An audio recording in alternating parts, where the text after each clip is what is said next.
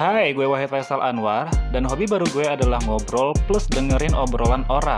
Dari situ biasanya gue dapat kata-kata baru, quote-quote baru, pandangan baru, pencerahan, teman, dan kesenangan. Itu yang penting bukan? Jadi inilah Talkin Talkin, sebuah segmen bincang-bincang ringan bareng teman-teman gue, persembahan dari Story Story Night Podcast. Enjoy!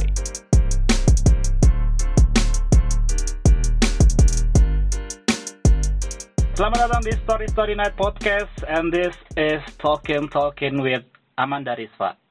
Yeay, halo Rizva Amanda. Hmm, halo. Apa kabar nih di Wisma Atlet? Eh, Baik-baik. Em, jauh ini baik sih ya, nggak ada kendala apa-apa. Eh, Nyaman-nyaman juga di sini. Cuma ada beberapa kamar di sekitarku yang listriknya mati, airnya mati, jadi harus dipindah. Kalau kamarku kebetulan masih fine sih ya.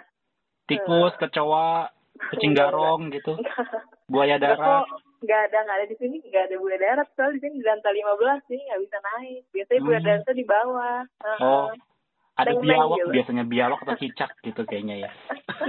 enggak kok, enggak kok aman-aman di sini. aman. Oke, udah berapa hari di Wisma Atlet? Eh, sekarang hari keempat ya dari 10 hari jadi masih ya, menuju setengah menuju setengahnya jadi masih enam hari lagi di sini. Yes. Ya mudah-mudahan semuanya aman terkendali Amanda ya. Kamu nggak kena covid kan? enggak kok enggak. Ah, Tubuhku kan kuat jadinya. iya kamu kan suka minum buyung upi kalau nggak salah ya. iya dari kecil dong minum jamu jadinya. Oke, oke jadi jadi teman-teman eh, gue kenalin dulu ini namanya Rizwa Amanda, salah satu teman gue yang bukan main. Pokoknya teman-teman akan apa ya eh, respect lah kalau kenal sama Amanda Rizwa ini gitu kan. Orangnya baik, orangnya cantik, orangnya eh, rada aneh sih kadang-kadang sorry ya. Boleh disepil Instagramnya apa sih Rizva Amanda ya kalau nggak salah ya? Hmm, terbalik Amanda Rizva. Oh ya Amanda Amanda Rizva. F-nya Oke. pakai F uh, Fanta, bukan C. Oh gitu, Amanda Rizva pakai Fanta ya. Iya betul. Aku sih sukanya Coca-Cola ya. Jadi kayaknya Rizca aja gimana Rizca. Amanda Rizka ya. Teman-teman kalau misalnya kalian eh, kalau misalnya kamu lihat di IG-nya Amanda Rizva, itu ada satu link yang disematkan sama Amanda Rizva. Dan gue udah tahu linknya itu sejak lama, ya kan? Ya kan Amanda ya. Jadi itu lu taruh link eh, blog blogger atau apa sih? Hmm, iya blog, tapi dia pakai domainnya website. Mm-mm.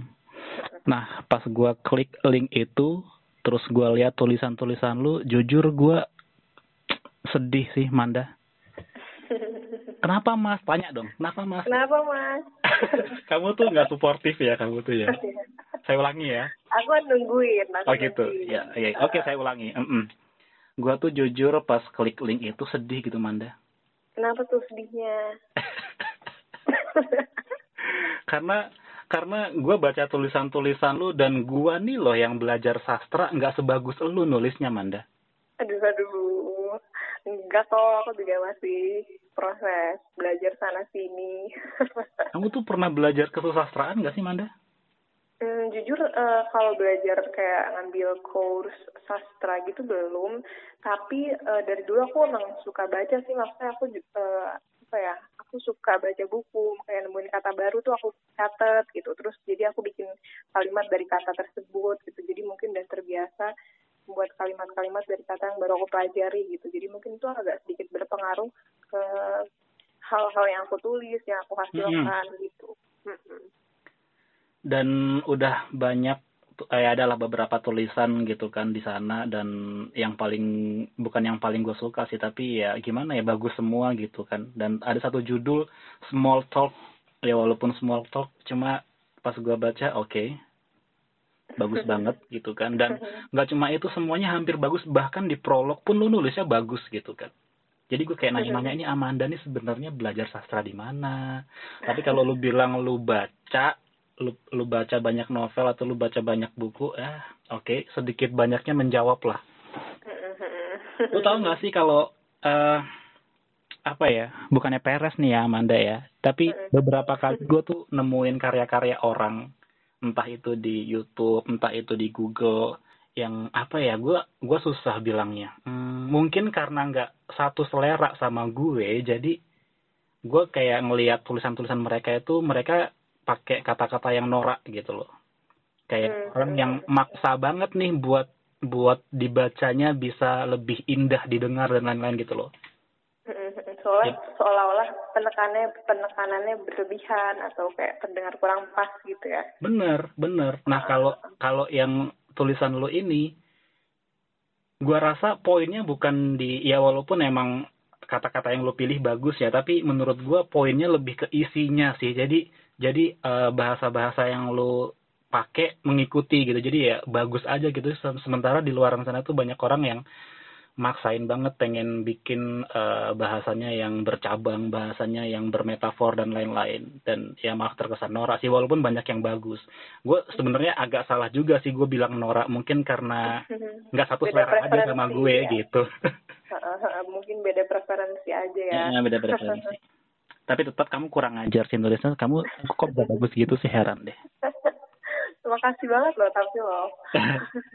Walaupun gue tidak terlalu mengerti bahasa Inggris ya, tapi ya gue ada beberapa kata kata-kata kunci lah yang gue paham. Oh, oh, oh, maksud lo ke sini, oh maksud lo ke sana gitu. Dan hmm, teruslah berkarya ya Amanda ya. Hmm, makasih banget. Aku kira nggak ada yang baca loh, soalnya itu juga cuma awalnya tempat aku kalau misalnya lagi overthinking ya aku nulis. Iya loh. Aku tuh teman-teman di sekeliling kita tuh kayaknya nggak ada yang sadar kamu kamu suka nulis, eh kamu bisa nulis gitu loh. Ada nggak sih orang yang baca tulisan kamu tuh? Eh, dulu sempet ada yang tiba-tiba nge-DM aku, eh, dia bilang kayak, eh, Kamanda izin aku share ya beberapa tulisannya di Twitter gitu. Dan aku agak kaget sebenarnya seneng dan kaget sih. Jujur kaget karena aku kira blogku yang baca ya cuma aku aja gitu. Ternyata ada, eh, ada orang lain yang diem-diem klik di blog aku terus baca terus mungkin mereka bisa relate juga. Akhirnya dia share ke Twitternya. Gitu. Itu Keren. Pertama kalinya aku kaget. Bagus. Kalau itu aku, aku sih nggak kaget karena di blog aku tuh cuma aku doang yang baca kebetulan. aku pernah baca kok. Hah? Aku pernah baca kok. Seriusan? Wahid Wah, ya, thank yang, you. Yang ada Sabrina Sabrinanya deh tentang. eh, Bener. Iya, ya ada kan? Sabrina. Iya, itu ya, itu. Aku tahu, aku tahu. Ah, ah, betul, aku tahu itu- ceritanya. Aku tahu ceritanya. Kamu tahu Aku, ceritanya? eh, aku tahu ceritanya. Yang ceritain orang nggak langsung. Wah. Padahal itu namanya kayaknya aku samarin bukan Sabrina deh, kayaknya deh. Kayaknya namanya sama-sama Sabrina deh. Oh iya ya, aku lupa. aku ya. Jadi waktu aku. itu ya, Manda ya. Jadi aku kan kenal sama orangnya, terus dia cerita kita tuh biasanya hmm, kalau lagi nongkrong, kita tuh biasanya diakhiri dengan cerita-cerita random gitu loh. Jadi pas gua todong dia cerita, dia cerita itu dan menurut gue, ih ini bagus nih kalau gua tulis nih. Ya udahlah gua tulis, tapi gua samarin namanya karena dia nggak mau disebutin nama aslinya gitu kan. eh, sebelum kita ngebahas Korea ya Manda, aku mau recap dulu eh, percakapan kita sebelum ini. Jadi ada temen aku ya kan, dia dia bilang ke aku gini, hit si Manda nih abis di abis abis interview, hah abis interview di mana?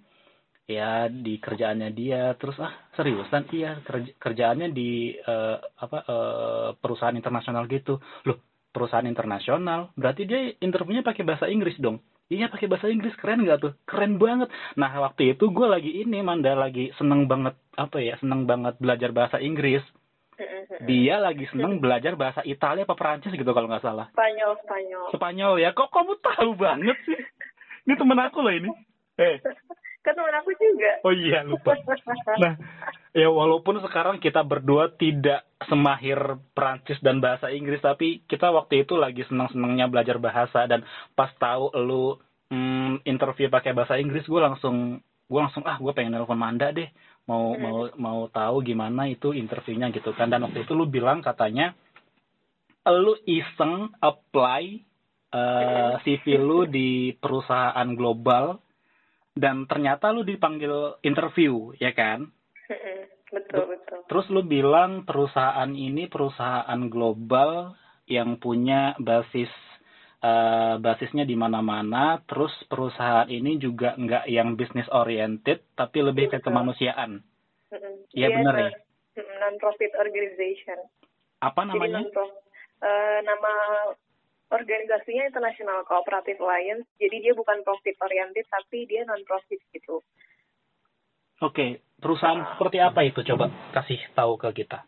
Ya, jadi kan kalau perusahaan profit itu mereka uh, fokusnya bukan uh, bukan profit ya, bukan mengejar goals sales harus berapa salesnya tahun ini uh, bulan ini gitu. Mereka lebih ke ada fokus-fokus yang mereka ingin uh, uh, capai gitu misalnya kayak inklusi perempuan dalam dunia kerja gitu kayak gerakan-gerakan vokasi di negara-negara berkembang gitu mereka fokusnya lebih ke seperti itu gitu jadi bukan uh, bukan profit oriented tapi uh, mereka non profit oriented Oke. Okay. Dan dia uh, itu merupakan non government organization jadi itu organisasi non pemerintah gitu. Jadi mereka independen gak dibawahi oleh pemerintah mana pun. Sama seperti PBB kan juga dia masuk ke NGO ILO juga masuk ke NGO jadi uh, seperti uh, seperti PBB seperti ILO gitu, sama mereka bentuk uh, bentuknya. Strukturnya sama. Oke okay, wow. Wow lu tau gak sih lu tuh keren Manda makasih tapi enggak kok lu tau gak sih gue tuh dengan niat sepenuh hati apply ke beberapa perusahaan tapi nggak dipanggil. Lu iseng apply dipanggil. Gila lu. Gila banget. Iya, kadang kadang nggak ngerti juga ya tiba-tiba. Emang dunia ini nggak adil ya Manda ya? Enggak, itu tuh bukan nggak adil. Aku juga pernah kok apply. Aku pernah dengan masa kayak dengan sengaja bertujuan untuk apply ke perusahaan konsultan di Kebayoran. Aku bener-bener niat bikin CV-ku, kayak bikin apa namanya resumeku seolah-olah aku biar bisa eligible gitu buat masuk perusahaan itu. Tapi aku nggak diterima. Dulu mimpiku adalah uh, aku pengen banget punya uh, kantorku tuh di SCBD di Sudirman atau di Kuningan atau kayak uh, pusat-pusat bisnis distrik yang di Indonesia gitu. Kayak sama seperti anak-anak zaman sekarang kan biasanya pengen kayak gitu ya. Lulus lulus lulus pengen kerja di Sudirman lulus iya, bener kerja lagi. di Kuningan gitu. Nah bilalah kantorku ya bu, kantor pertamaku ternyata bukan di Sudirman gitu. Tapi ternyata Allah memberikan yang lebih baik uh, kantor pertamaku akhirnya malah di Belgia gitu. Jadi kayak ketika kita ditolak satu tempat itu tuh bukan karena kita tidak pantas tapi kita lagi diarahkan aja ke tempat yang lebih baik gitu sih lebih ke ubah mindsetnya gitu biar kayak yang menyalahkan diri sendiri ketika kita gagal mencoba sesuatu gitu. Hush, Manda, kamu tuh umurnya berapa sih Manda? 22 tahun ini. 22 tahun ini tahun depan 23. Oke. Okay. Waktu kamu interview pertama itu tahun berapa ya? 2000, 2020 bukan sih? Iya betul 2020 akhir. Udah tahun yang lalu. 2020 akhir dan uh, perusahaan ini uh, apa uh, pusatnya di Belgia ya? di Brussels di Belgia. Oke, okay, uh, dan waktu itu lu diwawancara kalau misalnya keterima lu akan uh, di apa uh, lu akan diberangkatkan untuk kongres di Korea Selatan tahun depan which is tahun ini. Mm, betul. Dan Jadi sudah terjadi. Mm, sudah, sudah terjadi, ya. Gila keren. Ketemu BTS dong. Eh BTS ketemu BTS dong. Enggak aku di hotel terus acaranya kan di hotel jadi kan sempat keluar keluar nggak ketemu BTS jadinya. Lagi pula juga BTS lagi di Los Angeles kalau nggak salah ya. Iya. buku tahunan sekolah eh banyak army loh di sini kamu jangan macam-macam loh ini mohon iya maaf para army iya mohon maaf army powerful loh salah iya. salah nanti uh, bisa hilang aku iya, lebih powerful daripada Soeharto so jadi kamu berapa hari di di di Seoul ya Hmm, aku kedua kota di Chuncheon dan di Seoul. Sorry apa? Jadi, Incheon? Chuncheon. Chuncheon. Ya, Chuncheon. Oke. Okay. Tiga hari pertama aku di Chuncheon, terus tujuh hari kemudian aku di tujuh hari selanjutnya aku di Seoul buat kongres. Jadi tiga hari pertama itu acara anak muda gitu kayak Global Youth Forum. Anak muda kita bertukar pikiran, bertukar uh, ide, terus kayak cerita tentang koperasi-koperasi di negara mereka seperti apa, terus mereka kontribusinya sudah seperti apa aja gitu. Oke, dan aku lihat di postingan Instagram kamu kayaknya kamu satu-satunya yang berhijab ya? Hmm, iya betul. Selama acara yang udah itu Global Youth Workshop, aku satu-satunya yang berhijab. Wow. Terus mereka ngelihat kamu kayak kayak gimana reaksinya?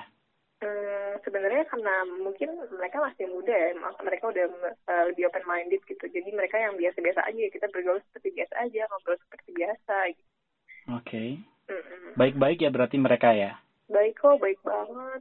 Oke oke oke oke oke. Dan ada negara mana aja yang jadi teman kamu di sana? Hmm, banyak sih ada dari Polandia, dari Argentina, dari United States juga ada, dari Korea of course karena mereka host country-nya, terus uh, dari negara-negara Afrika Selatan juga ada beberapa. Wow. Mm-mm. Cuma ada beberapa delegasi dari Zambia apa Nigeria ya, itu nggak bisa datang karena mereka uh, negaranya menutup apa namanya menutup border gitu buat orang ke luar negeri jadi hmm. mereka nggak bisa datang sebenarnya ini acara bener-bener yang de de bikin deg-degan semua delegasi gitu. Setiap oh, oh setiap delegasi dari negara masing-masing itu ada aja gitu hambatannya. Ada yang pesawatnya ketinggalan ada yang keluar. Pesawatnya ketinggalan. Ketinggalan pesawat maksud kamu? Iya uh, iya benar ketinggalan pesawat. Sorry sorry. Oh iya iya iya. Berarti berarti sekarang networking kamu jadi semakin luas dong ya kenal sama hmm. uh, mereka mereka ini ya Ya alhamdulillah iya. Keren keren sama kayak aku aku tuh juga punya temen di sektor satu, sektor dua, sektor tiga, ya di Bintaro Bintaro aja gitu. Sana Kusir, iya. Gandaria. Kusir Gandaria, Cinere, tapi senang juga sih aku berteman sama mereka. Kan keren. Hmm. Terus uh, acaranya ngapain aja sih di sana? Uh, kalau youth workshop itu kita uh, karena ini kan uh, di bawah organisasi koperasi gitu ya. Koperasi kata dasar adalah cooperating gitu. Uh, maksudnya adalah kerjasama. Jadi kita selama youth workshop itu dibikin games yang kita tuh mau pesertanya gimana caranya biar mereka tuh bisa cooperating together gitu kayak gimana cara mereka uh, bisa kerjasama gotong royong bareng-bareng gitu ya kayak hal-hal sepelanya mungkin kayak bikin kartu bareng-bareng uh, nanti yang paling tinggi dia yang menang. Terus kalau misalnya yang uh, yang paling tinggi yang menang nanti dia bisa dinner duluan gitu. Makanya orang-orang langsung semangat bikin. Terus uh, hari kedua mereka kayak ngasih presentasi tentang proyek yang dilakukan di negaranya. Jadi kayak ada uh, ada yang melakukan proyek bikin koperasi bank sampah di Polandia di Indonesia juga ada juga dari Sulawesi. Cuma kebetulan delegasi terlambat datangnya jadi nggak bisa presentasiin. Dari uh, Sulawesi mm, betul dari Sulawesi. Oh oke. Okay. jadi mereka uh, jadi mereka oh berarti dari Indonesia bukan cuma kamu sendiri ya? Iya kalau untuk kongresnya iya di dari Indonesia ada, lagi. Tapi mas untuk uh, youth workshopnya itu kebetulan aku doang jadi orang Indonesia-nya. Karena yang dari Indonesia delegasi lainnya itu terlambat gitu. Penerbangan terlambat misalnya ada masalah jadinya telat nggak bisa dapat. Hmm, Oke, okay, jadi ada games, ada seminar. Hmm, betul, seminar, presentasi, presentasi. Oh, presentasi ya, sorry. Hmm, ada presentasi, oke. Okay. Hmm. Yang kalah game nggak ditembak-tembakin kan? Enggak dong, seneng banget. Kalau ditembak. Siapa tahu gak? ternyata ada Squid Game di sana gitu kan. Iya, anyway, kamu kamu kamu penikmat atau penggemar Korea nggak sih? K-pop eh, gitu? Jujur uh, aku sebenarnya kayak mendengar semua lagu ya. Maksudnya kayak aku nggak yang terlalu fokus banget dengerin K-pop banget enggak juga. Tapi aku dengar beberapa lagunya karena aku nonton startup juga penonton startup. Terus ada beberapa lagu yang aku suka jadi aku dengar cuma kayak uh, nggak yang terlalu tahu banget gitu aku nggak yang terlalu bisa baca tulisannya atau kayak mengerti banyak frase-frasenya itu enggak jadi kayak masih yang sebenarnya masih agak nol juga sih kalau tentang Korea Korea aku belum terlalu ngerti. Hmm oke okay, oke okay. kalau kalau kalau kalau Mas Wahid kan kayak udah K-popers banget kan Parah kayak gue. penggemar penggemar Twice banget kan. Parah ah, sorry apa Twice? Twice. Zaman iya, gua zaman gua tuh Big Bang, Super Junior, Wonder Girl, terus uh, apa tuh uh, One tuh zaman zaman iya, itu tuh. ya. Iya dong. nggak tahu tuh anak zaman sekarang masih tahu nggak sama Super Super Junior atau Big Bang kayaknya udah enggak deh. beda generasi ya. Iya udah beda generasi. Uh, kalau disuruh milih, kamu lebih suka cowok Korea atau cowok Indo atau cowok Barat atau Timur Tengah? Hmm, cowok Indonesia sih. karena lebih terasa kenal aja gitu ya mungkin. Udah lebih familiar aja oh Jadi gitu kayak. Yang udah aku lebih aku merasa lebih kenal dan lebih tahu aja gitu kalau Ah, misalnya. alhamdulillah kalau gitu ya saya merasa ada kesempatan gitu. Dan teman-temanku juga merasa ada kesempatan pasti. Guys yuk sikat yuk. Oh ya terus pas di sana berarti eh, delegasi-delegasi dari negara lain juga menggunakan bahasa Inggris dong ya pastinya ya Iya bahasa Inggris. Cuma di organisasi ini tuh mereka bahasanya tuh bahasa ofisialnya ada tiga, Spanyol, Mhm. Prancis, dan bahasa Inggris. Tuh. Jadi wow eh, kita eh, lebih sering menggunakan bahasa Inggris. Cuma ada beberapa delegasi dari Spanyol yang bisa bahasa Spanyol doang, atau delegasi dari Prancis yang bisa bahasa Prancis doang. Kalau yang dari Prancis sih aku ngerti-ngerti dikit ya, karena aku, aku, aku, aku belajar bahasa Prancis. Cuma kalau dari. Spanyol aku bener-bener nol wih. besar. wih Wih.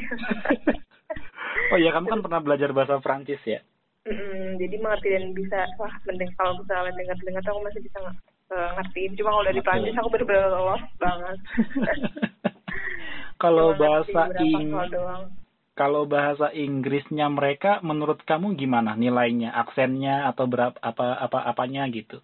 Lebih bagus nggak dari Eh, Indonesia mm, enggak juga kok. Aku yang aku senang di sini adalah mereka juga bahasa Inggris itu bukan bahasa ibu mereka gitu bukan bahasa Hmm. pertama mereka gitu. Mereka juga eh, orang yang belajar bahasa Inggris gitu. Kayak mereka dari Argentina belajar bahasa eh, mereka ngomong bahasa Spanyol mereka bicara bahasa Spanyol. Jadi mereka juga belajar bahasa Inggris dan jadi mereka juga maklum gitu kalau misalnya kita agak sedikit tersendat-sendat atau kita mungkin tuh bendahara kata yang masih terbatas mereka masih mengerti karena mereka pun seperti itu gitu. Jadi eh, kalau untuk kendala masalah eh, masalah kayak malu kita bahasa Inggris terbatas itu enggak sih. Jadi kayak sama-sama belajar juga.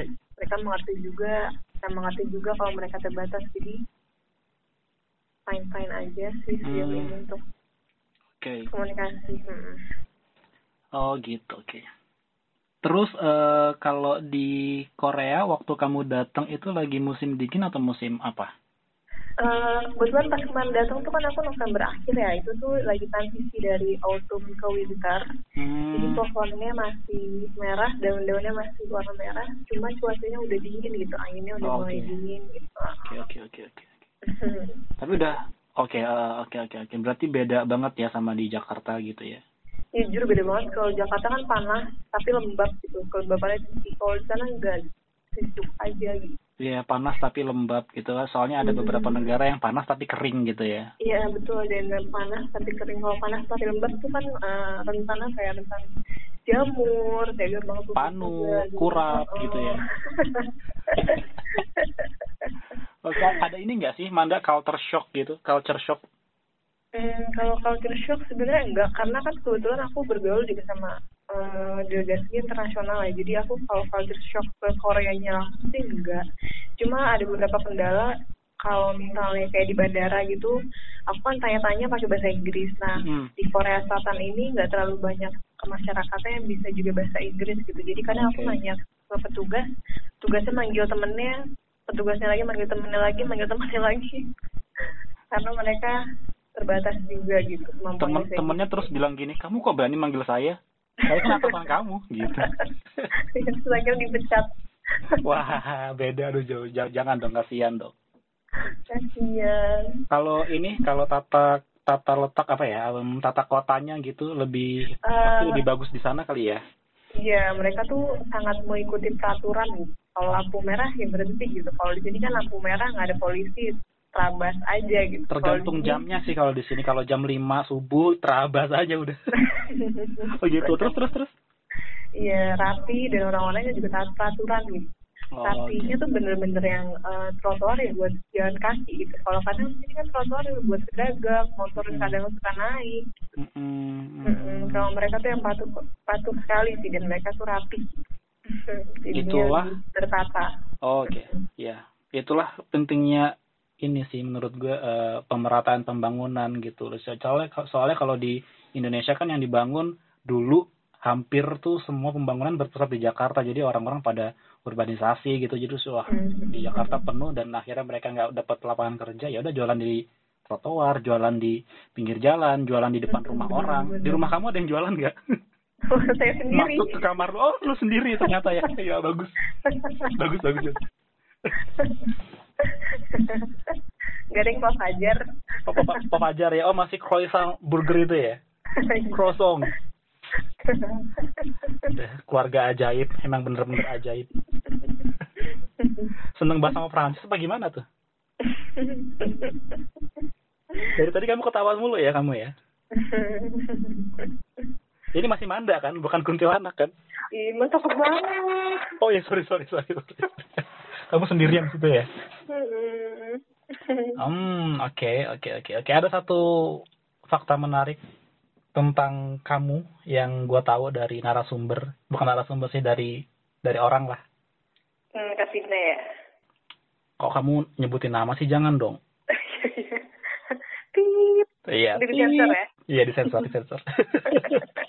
Katanya kamu itu kalau tidur nggak bisa duduk ya, jadi harus terlentang gitu ya.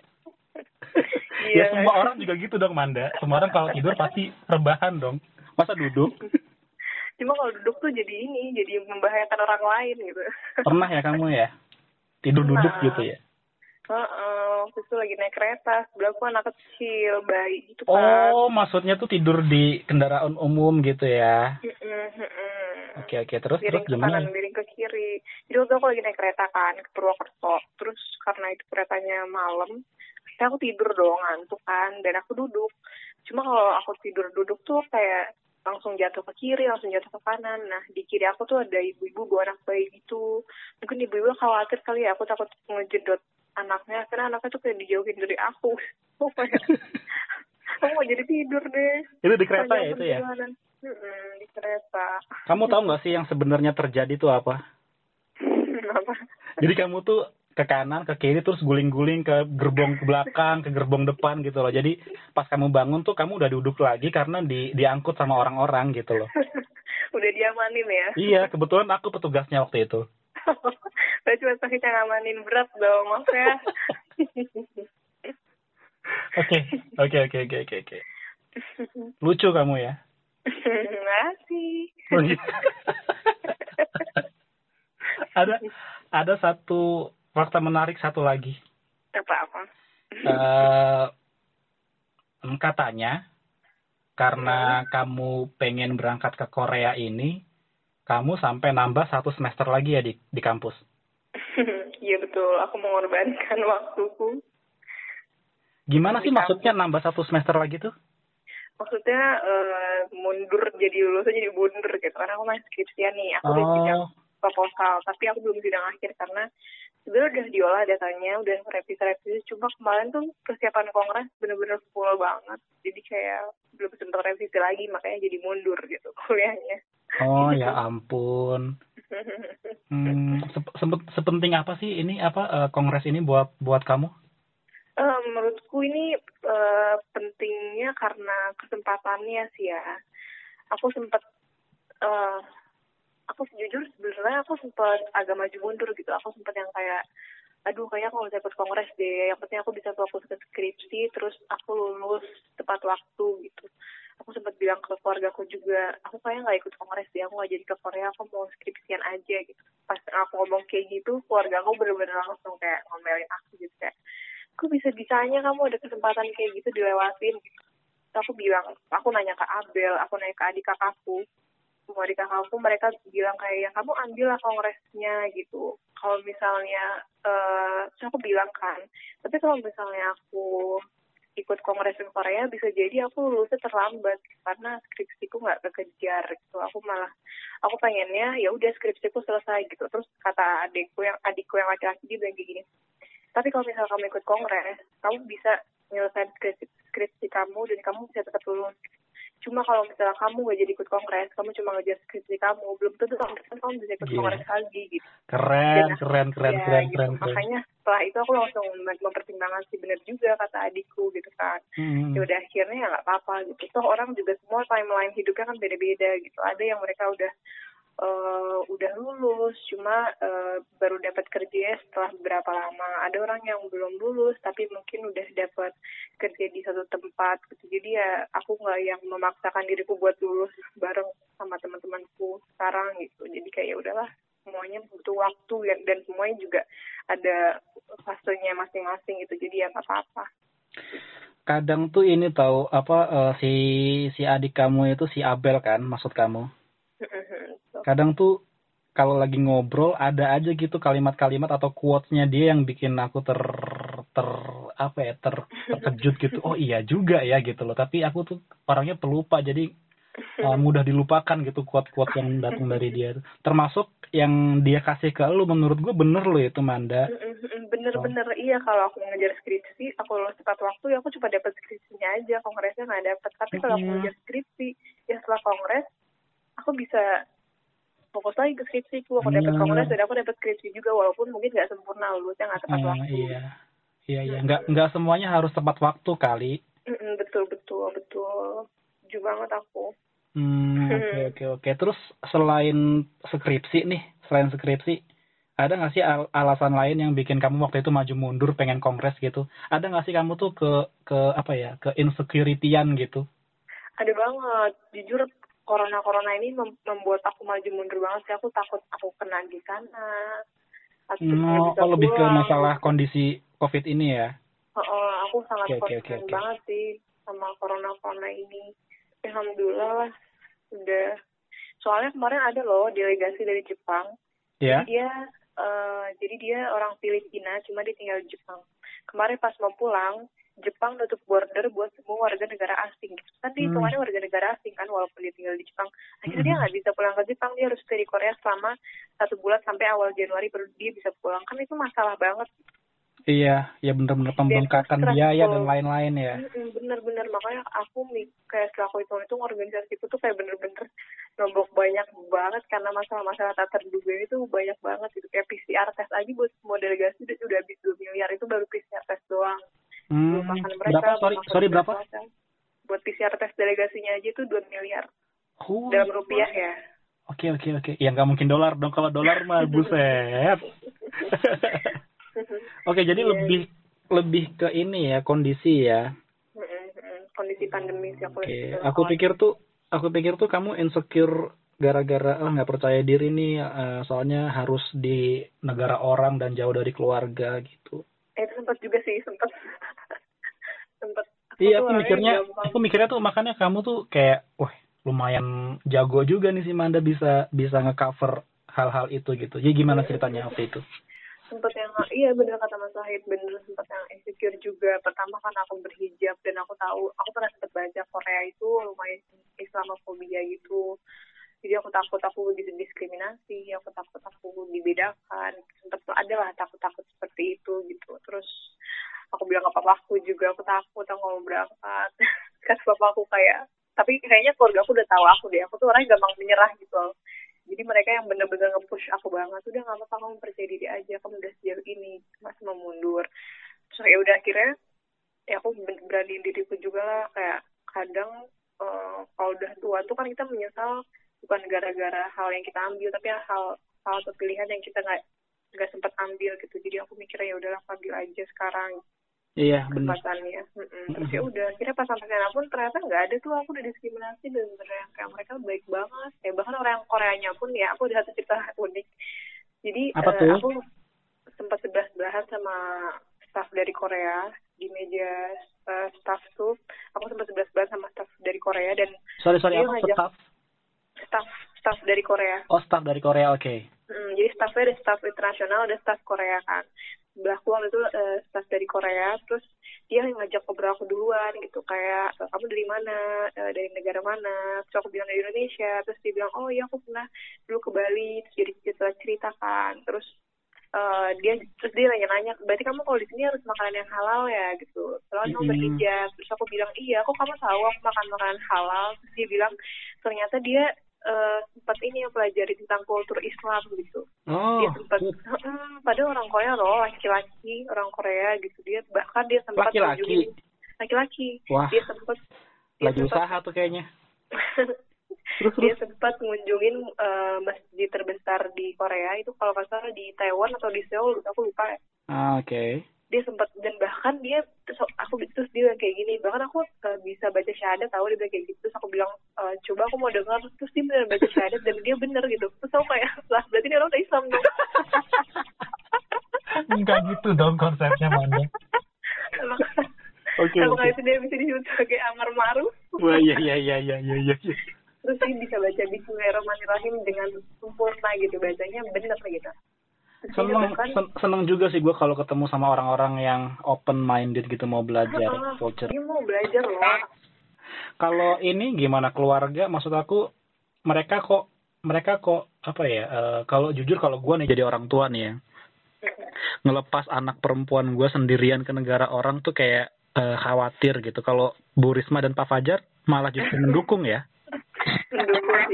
Tahu mereka khawatir jadi kalau untuk mereka ya mereka tetap khawatir takut cuma kayak mereka nggak menunjukkan aku sih Oke. tapi kamu udah maju aja gitu Ya, ya berpasrah diri lah ya. Oke, oke, oke, oke, oke. Selanjutnya bakalan ngapain lagi nih? Tapi kamu tetap di kamu tetap bekerja di perusahaan yang sama kan di Indonesia? Eh, sebenarnya pengen eksplor hal di tempat lain sih. Cuma ya karena di sini sebenarnya udah enak banget aku jadi agak takut ntar di tempat selanjutnya kalau aku apply nggak seenak ini gitu. Cuma aku masih lebih fokus ini ke selesai kuliah dulu sih. Oke. selesai skripsiku. Terus mungkin aku akan ambil master degree atau lanjut kerja nanti baru aku putuskan aku masih belum eh, yakin sih Ya. mau ambil. Apa pun keputusan kamu sih gue nggak khawatir ya karena lu ada di lingkungan yang baik, lu punya keluarga yang hebat menurut gue keluarga ajaib. Sampaikan salamku sama Pak Fajar ya. oke oke oke. Thank you banget ya. Makasih Cinda, eh makasih Cinda, makasih Manda. Mm, sama-sama. Senang banget sih gitu Wow, terima kasih. senang banget loh merasa ini merasa iya, spesial iya, iya, iya. Dan, dan jujur gue sih yang thank you banget sama lu karena di obrolan ini ya banyak sih sesuatu yang bisa gue ambil. Thank you banget loh.